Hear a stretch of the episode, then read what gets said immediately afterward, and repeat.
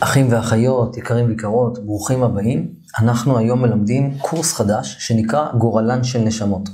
זו מישל טיבולי, אשתי. אמ, קצת כמה מילים, אה, מישל, שיכירו אותך החבר'ה שצופים בנו. נעים מאוד, שמי מישל, אני מורה דרך רוחנית, מדיום ומטפלת דרך נשמת האדם. ו... פירוש המילה מדיום, למי שלא יודע, זה מידיאם, מלשון אמצע. אדם שנמצא בין העולם התחתון לבין העולם העליון ויכול להעביר מסרים. מתקשרת ללא חפצים. אז אה, באמת הקורס הקודם שעשינו, מסע הנשמות, אה, בראי הקבלה, היו, אה, היו עליו פידבקים ממש טובים. וכבר בקורס הקודם אמרנו שאנחנו נעשה קורס המשך על הספר השני של דוקטור מייקל ניוטון, גורלן של נשמות. אנחנו לא נעשה הקדמה נרחבת, כי הכל נמצא בקורס הראשון, אז מי שלא צפה בו עדיין, אתם מוזמנים לגשת לקורס מסע הנשמות בראי הקבלה. ולראות את כל הפרק הקודם. היום אנחנו מתמקדים בספר השני, שהוא פשוט נותן יותר עומק. קצת הסבר למי שלא צפה. אני חרדי לשעבר, למדתי בישיבת אור החיים אצל הרב אלבז, ולמדתי את, חוכמה, את התורה, פשט רמז דרש וסוד ואת חוכמת הקבלה במשך שנים על גבי שנים, למעלה מ-20 אלף שעות. ואשתי, היא לא באה מעולם החרדי, היא באה מעולם של מתקשרים. כלומר, היא יודעת מה קורה בעולמות עליונים, כי היא ראתה את זה בעיניים שלה. ואנחנו כל הזמן מצליבים מידעים בין מה שאני יודע מחוכמת הקבלה לבין מה שהיא יודעת מזה שהיא ראתה. היא גם קוראת על זה ספרים כאלה ואחרים, והיא מאוד התחברה לספרים של דוקטור מייקל ניוטון. כשהיא נתקלה בדוקטור מייקל ניוטון, את רוצה קצת לספר עליו ככה בשתי מילים? כן, אשמח. אז מה שאריאל מתחיל לומר הוא בעצם שקודם כל הייתי מתקשרת מידעים ומרפאה דרך שיטת טיפול שהתקבלה דרכי. מה זה, מה זה התקבלה דרכי? הרבה אנשים שואלים. פשוט התקבלה בתקשור, התחלתי לתרגל אותה. ולהבין איך היא עובדת, איך היא מרפאה אנשים ברובד של ה-DNA הנשמתי, שאומר רגשי, נפשי, נשמתי, פיזי. אני אתן, אני אתן שתי דוגמאות, אחד שלך שאני יודע שזה, ואחד שלי. כשאנחנו מדברים על זה שאנחנו מרפאים, אנחנו עושים את זה ללא מגע, אלא פה, אנחנו עושים את זה כאן. היא עושה את זה דרך תקשור, היא, אם, אם תרצי תרחיבי על זה מעט, ואני אתן דוגמה על השיטה של הריפוי. יש לי מספר שיטות ריפוי, אחת מהן זה הילינג. יש לי אחד העובדים במכללת ידע, במכללה שיסדנו, יש, המנהל של המכללה, יש לו כאבים בידיים, כל כך חמורים שהוא לא יכול לנהוג, לא יכול היה לנהוג. כאילו ברמה כזאת, הוא היה צריך פשוט להחליף יד. במפרקים. היה לו פה איזה... דלקת. סוג של, כן, סוג של דלקת. אז הוא ביקש ממני שאני ארפא אותו. לא היה לי זמן להתעסק בזה, אני כל הזמן מאוד טרוד, אפילו בשבילו. יום אחד אמרתי לו, בסדר, קוראים לו אסף. אמרתי לו, אסף, אני ארפא אותך, מצאתי זמן בשביל זה, הנחתי את היד בצורה כזו, ככה, ככה, במשך שעה וחצי בערך, והתחלתי לעשות ריפוי וריפוי וריפוי, עד שממש אמרתי לו מה יהיה שם, בתקשור, ראיתי ממש נקודה צהובה, אחרי זה הוא אמר לי, נכון, זה נקודת שומן, כך, מסתבר שזה משהו נפוץ. ועשיתי לו את הריפוי, בלי לגעת, עד שהרגשתי כאילו משהו התפוצץ, ואז התחלתי ב- למרוח את זה. הוא כבר קבע ניתוח, הוא כבר קבע ניתוח בבית חולים. ואחרי שבועיים זה באמת התפוצץ, כי כמו שאיך אמרת בצילומים הקודמים, בן אדם לוקח כדור, זה לא משפיע מיד. נכון. לוקח לזה שעה, שעתיים, שלוש. אנטיביוטיקה עד עשרה ימים. כן. גם הריפוי שלנו, שאנחנו עושים בידיים בהילות, בהילינג, אה, לוקח לזה זמן. אחרי שבועיים שעשיתי לו את הריפוי, שלושה שבועות אחרי שעשיתי לו את הריפוי, זה התפוצץ לבד. מדהים. והוא חזר לעשות שכיבות צמיחה. עזבי את זה שהוא לא יכול היה לנהוג, הוא התחיל לעשות שכיבות צמיחה. איזה מדהים. והניתוח בוטל. את רוצה לספר איזה סיפור? גם אם סיפרת את זה פעם, ספרי כן, כדי שאנשים יכירו. האמת היא שבכיף. בתחילת דרכי שבכלל לא ידעתי איך בדיוק עובד הכל.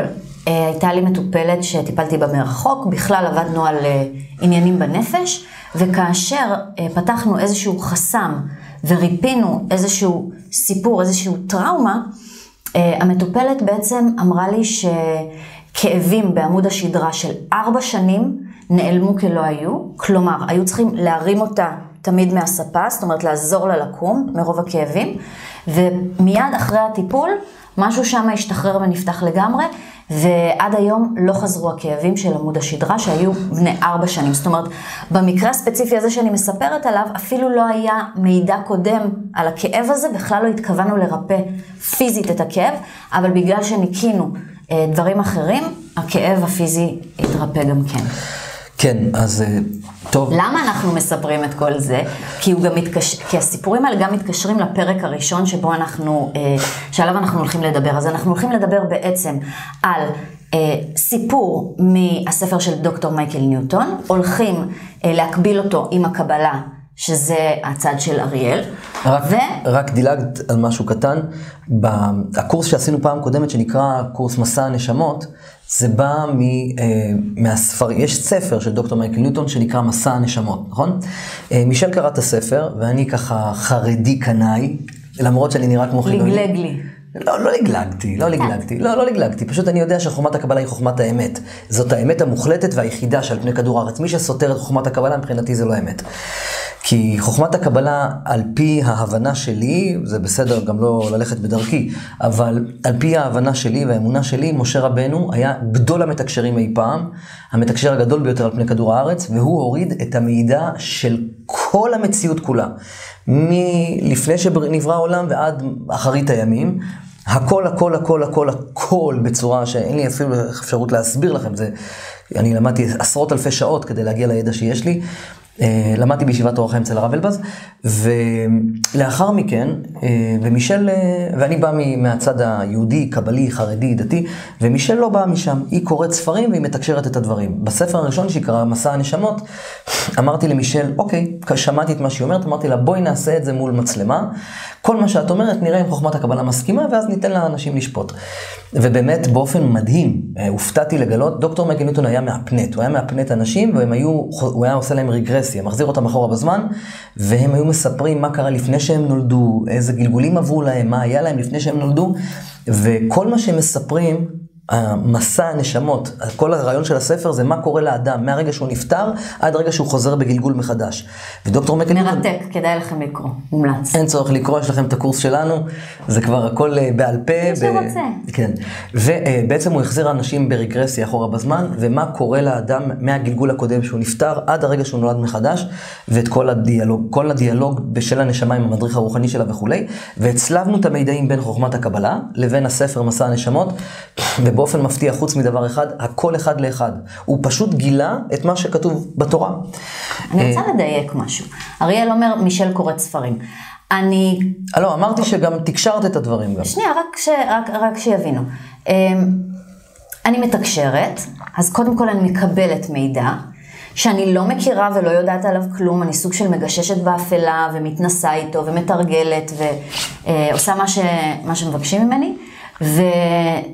תוך כדי שגיליתי שאני מתקשרת דרך נשמת העל, ואני עולה לעליונים ועושה את הריפוי בצורה הזאת, אה, איכשהו הגעתי לאיזשהו מקום שחיבר אותי עם הספר של דוקטור מייקל ניוטון, שפתחתי אותו, הייתי בהלם מוחלט, שכל מה שאני עושה בטיפול בעצם רשום שם, וזה משך אותי בצורה מטורפת, אה, ולאחר זמן מה, גם בעזרת אריאל, הבנתי שאחד מהמדריכים שלי זה דוקטור מייקל ניוטון ז"ל, שנפטר כבר, mm-hmm.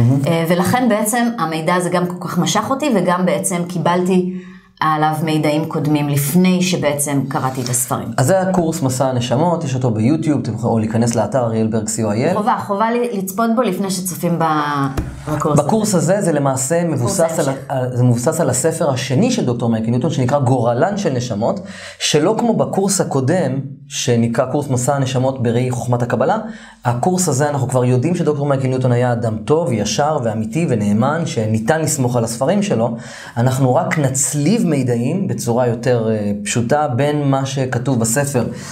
אה, ספר, תראו איזה ספר ענק, ספר ענק. הספר, אה, בגלל זה אני אומר, חבל לכם לקרוא, הכל כבר צילמנו לכם את כל המידע, גם הספר מסע הנשמות, גם ספר ענק, מישל קרא את הכל.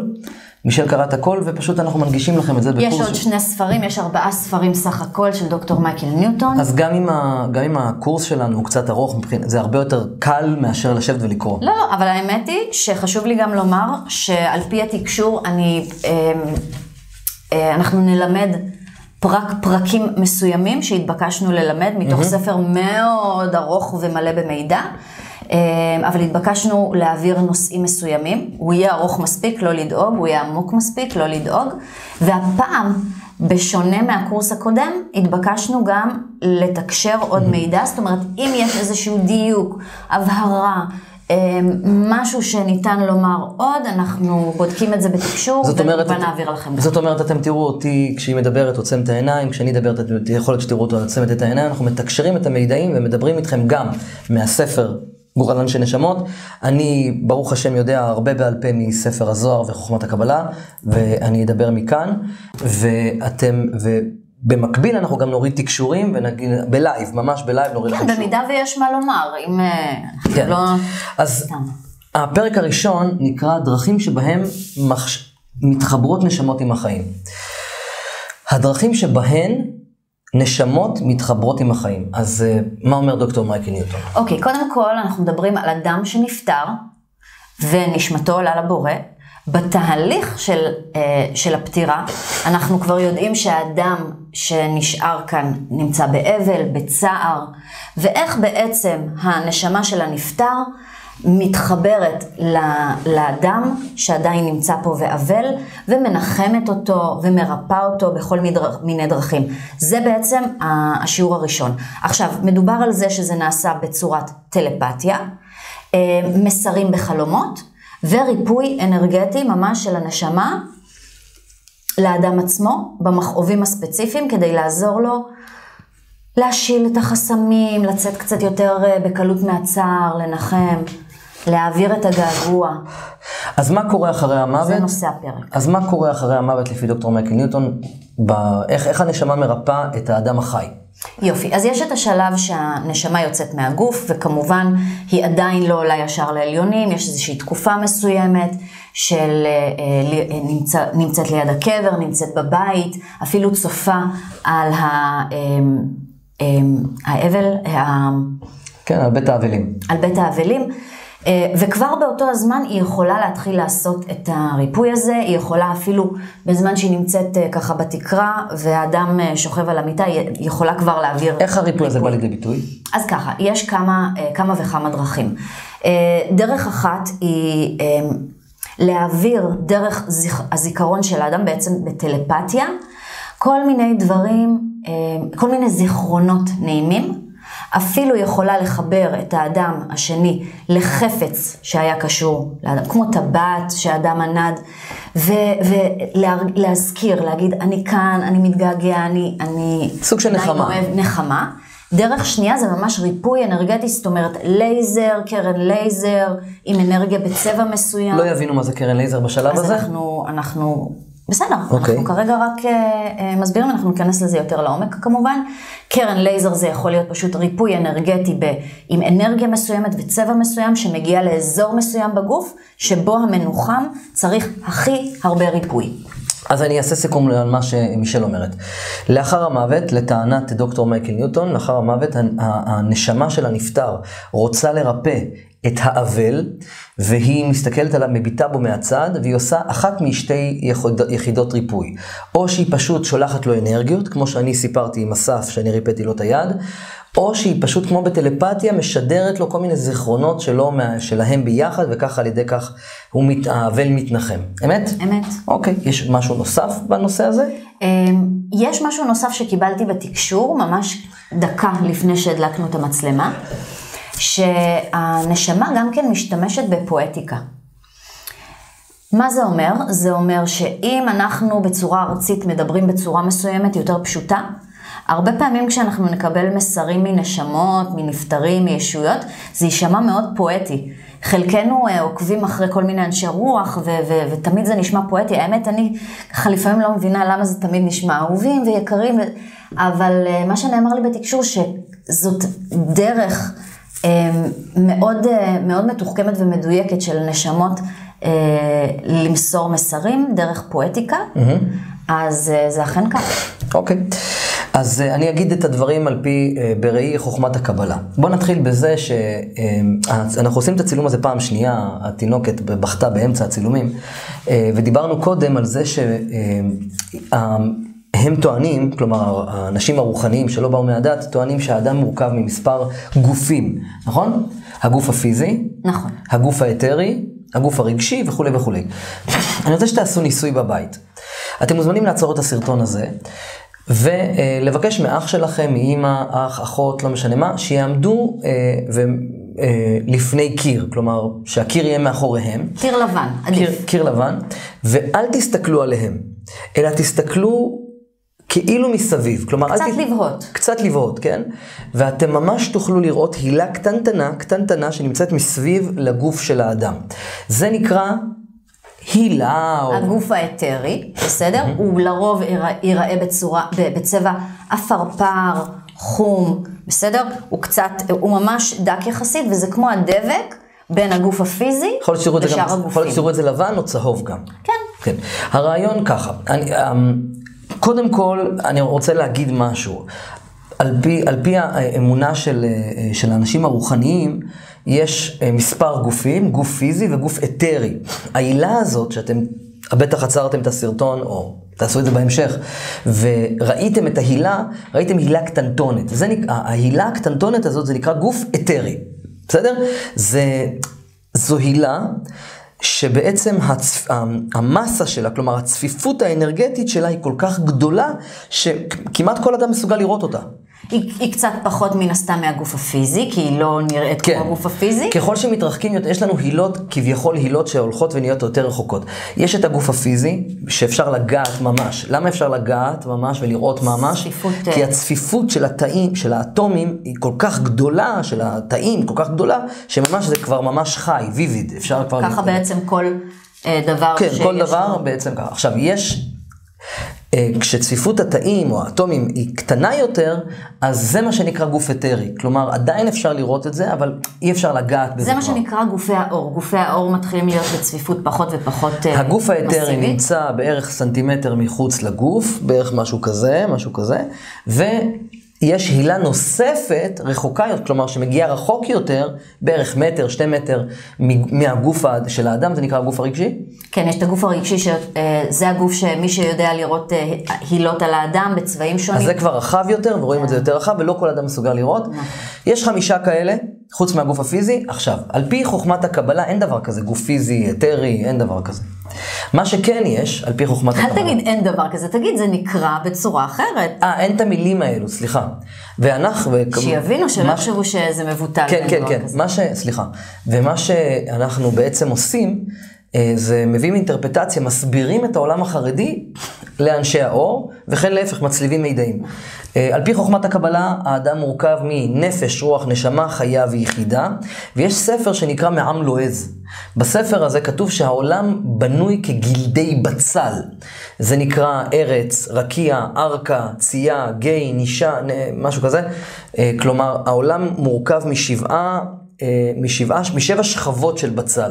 ובעצם גם על פי חוכמת הקבלה, מה שלא הרבה אנשים יודעים, את- אה, נגיד, אה, מה לימדתי עד היום, מה לימדתי אתכם?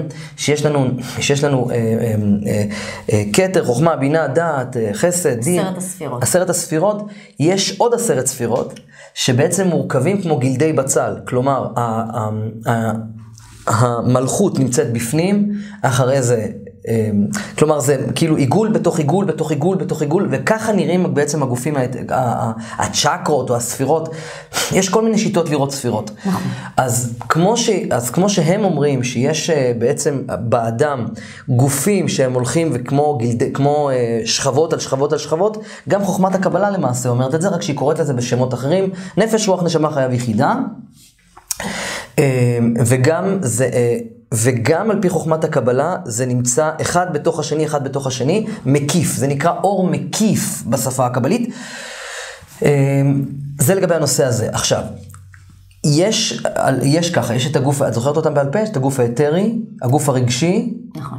יש אה, את הגוף האסטרלי, הנשמתי. האסטרלי יש, וכו'. האמת היא, אני, אני בכוונה לא רוצה להיכנס לזה, כי יש שאומרים שיש יותר גופים, מעל יש. יש יותר גופים. אז אני מעדיפה לא להיכנס לזה, כי גופים, יהיו כל יש, מיני סתירות על פי, חוכמת, הק-. על פי חוכמת הקבלה יש 125 גופים, אז אנחנו, כן, שזה, אבל אנחנו מדברים על החמישה, על הבסיסים. על כן. הבסיסים נפש, רוח, נשמה, חיה ויחידה, כאשר הגוף האתרי, הגוף האתרי, זה נקרא נפש, בסדר?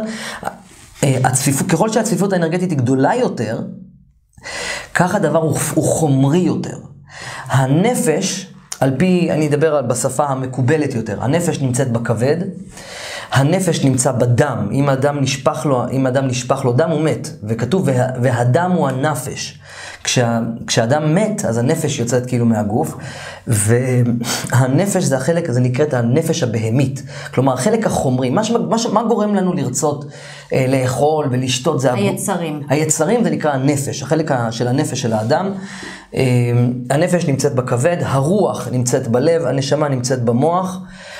החיה נמצאת בשערות, שנכנס ויוצא, זה נקרא אור מקיף, ואת היחידה, היחידה לא נמצאת בתוך גוף האדם, והם קוראים לזה האני העליון. החלק הזה שנקרא נפש לאחר המוות, אמ, היא נשארת ליד הקבר. למה? כי, כי זה מה שהיא מכירה, היא מכירה חומר. אז היא נשארת ליד הקבר. כשאתם הולכים לקבר של סבא, סבתא, מי שומע אתכם? הנפש שומעת אתכם. והנפש נשארת ליד הקבר. הרוח מסתובבת בעולם, ויש לפעמים רוחות טועות, מה שנקרא רוחות רפאים, וכל מיני דיבוקים. אנחנו מדברים על זה בקורס הקודם, אז מי שרוצה יכול לגשת... Mm-hmm. כשאני למשל עושה תקשורים, ואני אומר למישהו, תשמע, סבא שלך נמצא פה, וקוראים לו ככה וככה, והוא ככה וככה, זה בעצם החלק הזה שנקרא רוח, הוא זה שבא. לא, אה, לא הנפש ולא הנשמה. מה שמעניין זה, סליחה שאני קוטעת, כי זה ככה משהו קצת יותר אישי, אליי לא מגיעים נפטרים. זאת אומרת, אני לא רואה את זה בצורה כזאת, שפתאום איזה נפטר של מישהו מגיע, סבא, סבתא, אבל... מה שכן, אם, אם מתבקש ממני, ואם כמובן אה, הנפטר מעוניין, אנחנו לא מזמנים נפטרים, אף פעם לא מבקשים מהם אה, מסרים, אז אני מתחברת לאני העליון שלו, זאת אומרת לחלק הנשמתי דווקא של הנפטר, ומתקשרת אה, דרכו בצורה כזאת, איזשהו מסר, במידה והוא אה, מגיע. והנה התקבל עכשיו מסר בתקשור, שכל, שהסרטון הזה צריך להיות 13 דקות. אני מניח שכבר עברנו את ה-13 דקות, כבר עברנו. בהרבה עברנו, אבל יאללה, הסרטונים צריכים להיות uh, קצרים, אז רק לצורך העניין. אז הם אומרים שבעצם לאחר המוות הנשמה רוצה להעביר, להעביר תהליך של ריפוי לנפטר. גם חוכמת הקבלה אומרת דבר כזה. יש uh, uh, זמן על פי, על פי ה... הספרים? כן. זמן שמה? שבו מותר להתאבל על נפטר, או שהיא עושה ריפוי לנפ... לחי, או שהנפטר עושה ריפוי לחי, לאבל. או... יש שלבים מסוימים, בוא נגיד בזמן הקרוב ביותר לאחר שהנפטר אה, אה, עוזב את העולם, הוא, הוא עדיין נמצא קרוב והוא מעביר ריפוי מסוים שהוא אה, ממש סוג של אה, אה, ריפוי של לאבל, לאבל המאוד טרי. מאוחר יותר, כאשר גם הנשמה הזאת עולה לעליונים ומתפתחת ועוברת את התהליך שלה, את התיאור, מה שהיא צריכה לעבור, mm-hmm. היא מתחילה יותר להיות אה, בשמירה והגנה. על הנפטר, על, ה, אה, על האדם אה, הקרוב אליו, ויכול להיות פתאום המדריך שלו, זאת אומרת, מעביר לו מסרים, שומר ומגן, זה בשלבים. חוכמת הקבלה, ככה, יש גמרא שנקראת מסכת בבא מציע. במסכת בבא מציע, אה, פרק, לא זוכר. אריה לא זוכר פרק, זה, זה לא הגיוני. נראה לי פרק ב'. במסכת בבא מציע, הגמרא שם אומרת כך, יש הלכות שנקראות ההלכות אבדה ומציאה. היהדות כמובן, אם בן אדם איבד משהו, מצווה להחזיר לאדם שאיבד. אבל שואלת הגמרא, אם נגיד עכשיו אני איבדתי את, את, את הכוס הזאת. אריאל, רק אמרת 13 דקות, אז תעשה את זה. כנראה, זה כבר עברנו מזמן, כנראה שנדבר על הסרטונים הבאים. אנחנו צריכים לתקשר את זה יותר טוב כשלא נהיה בצילומים. אה, אבל זה חייב להגיד פשוט, חייב להיאמר החלק הזה. כשאדם נפטר, נגיד, סליחה, כשאדם מאבד חפץ, כן.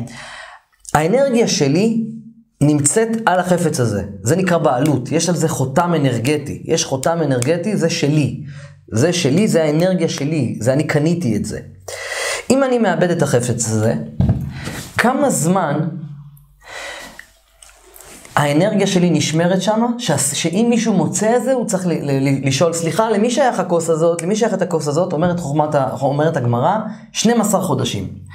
איך, עכשיו, מה זה אומר?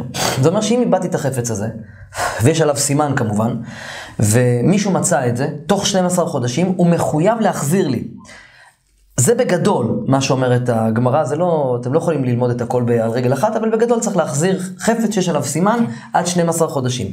אם מישהו מצא את החפץ אחרי 12 חודשים, אז הוא אה, אה, לא צריך להחזיר, כי אומרת הגמרא, קוראים לזה יושי מיאש.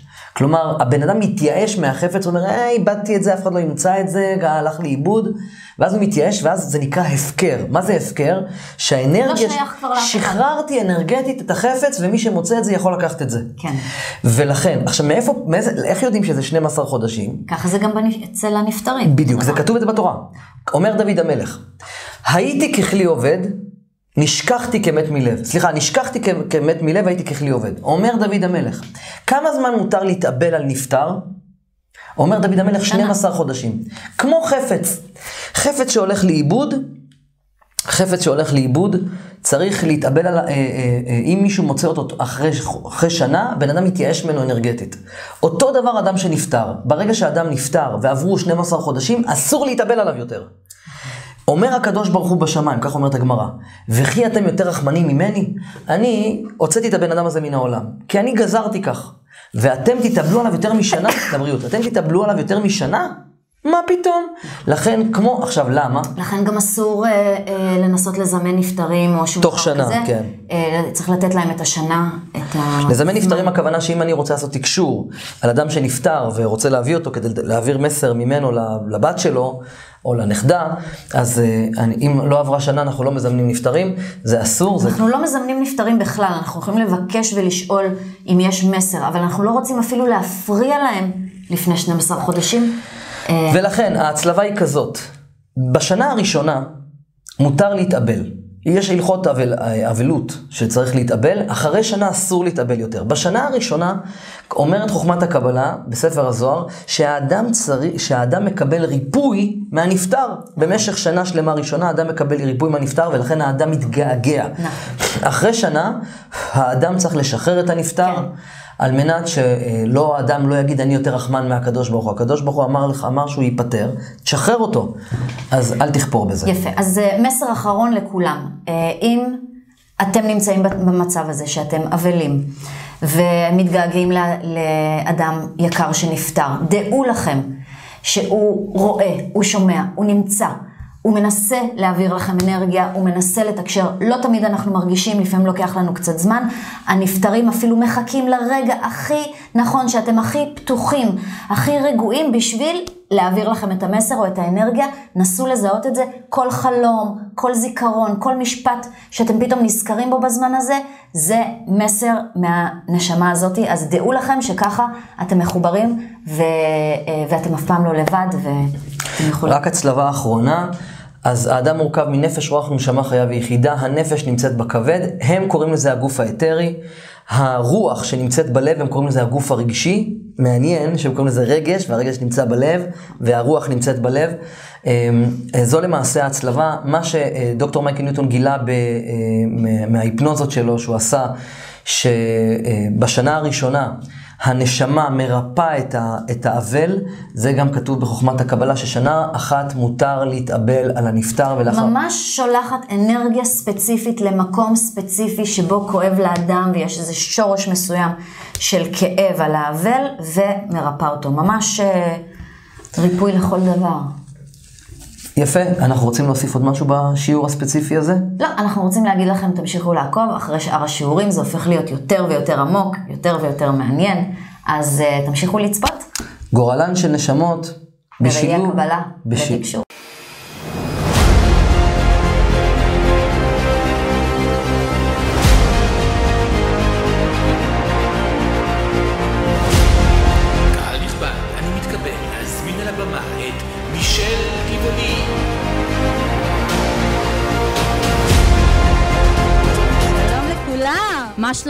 שלומכם? תודה לכל מי שהגיע, מקרוב, מרחוק, זה לא מובן מאליו שבאתם עד לכאן להיות איתנו כאן היום.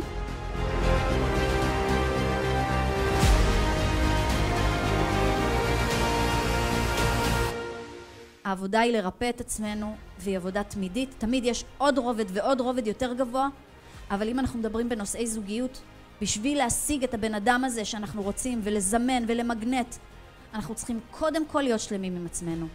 כשהגבר הוא נמצא בתודעה של ענווה והוא בחשבון נפש, הוא מבין שהאישה משקפת לו כרגע שיעורים נשמתיים, הוא מתעלה, יש שלום ביניהם, יורדת שכינה וקורה נס. אני אתן לכם עכשיו כלי שאנחנו נוכל להתחבר קצת לזיווג, לבן זוג, למישהו שאנחנו חושבים שהוא הזיווג שלנו. בואו נשחרר את הטינה. האם יש מישהו שיש לנו טינה אליו מהעבר? אירוע. כקולקטיב ביקום לרובנו יש שיעור של אהבה עצמית, זה שיעור קולקטיבי,